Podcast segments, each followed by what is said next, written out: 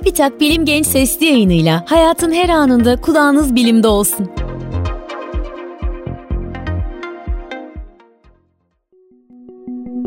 Gençler merhaba, ben Levent Kurnaz.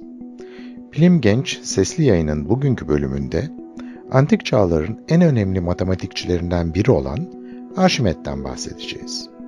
Arşimet, İtalya'nın güney ucundaki Sicilya adasında bir Yunan kolonisi olan Siraküza'da doğdu ve orada yaşadı.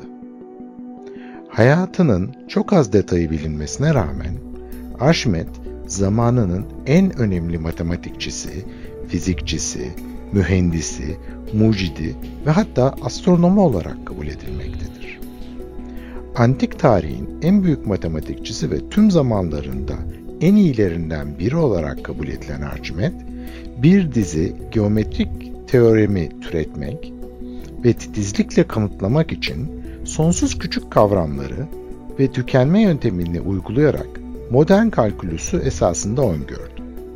Dairenin, elipsin ya da kürenin yüzey alanlarını bu yöntemle doğruya çok yakın bir biçimde hesapladı. Diğer matematiksel başarıları arasında doğru bir pi yaklaşımı türetmek ve çok büyük sayıları ifade etmek için üs alma kullanan bir sistem yaratmak vardır. Ayrıca matematiği fiziksel problemlere ilk uygulayan, hidrostatik ve statiği kuran, kaldıraç prensibini de açıklayan ilk kişilerden biriydi. Arşimed'e atfedilen ama doğruluğu kanıtlanmamış olaylardan biri de eskiden beri öğrendiğimiz hamamdan çıplak fırlayarak şehrin sokaklarında evreka evreka yani buldum buldum diye koşuşturmasıdır.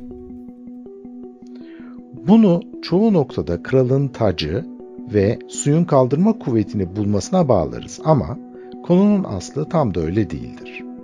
Bu hikayeye göre Kral 2. Hiero bir tapınağa hediye olarak altından bir taç yaptırmak için kuyumcusuna belirli miktar altın verir.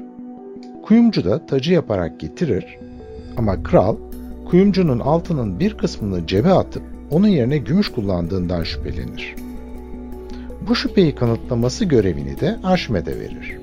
Buradaki problem suyun kaldırma kuvvetini bulmaktansa karmaşık bir geometrik nesnenin hacmini bulabilmektir.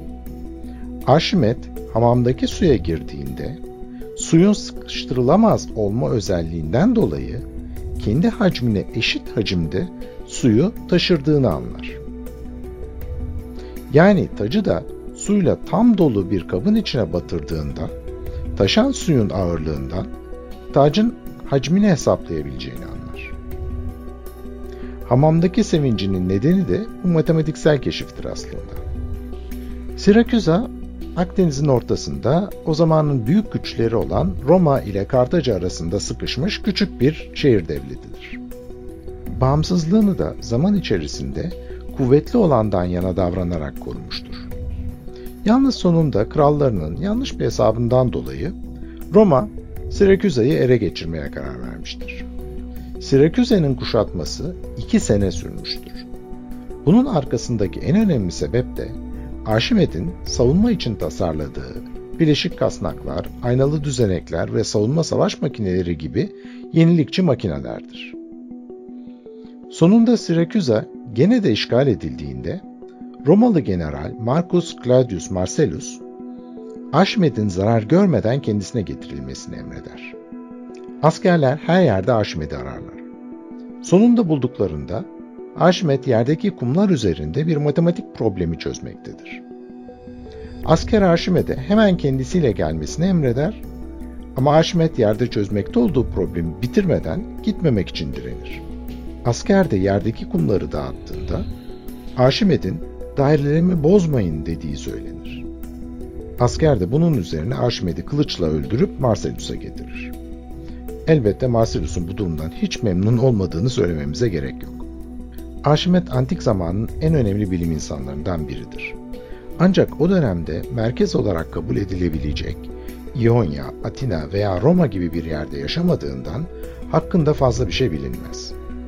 Hatta ölümünden sonra Marcellus'un onun anısına geometrik şekillerden oluşan bir mezar yaptırdığı da söylenir Ama bu mezarın yeri hala bilinmemektedir.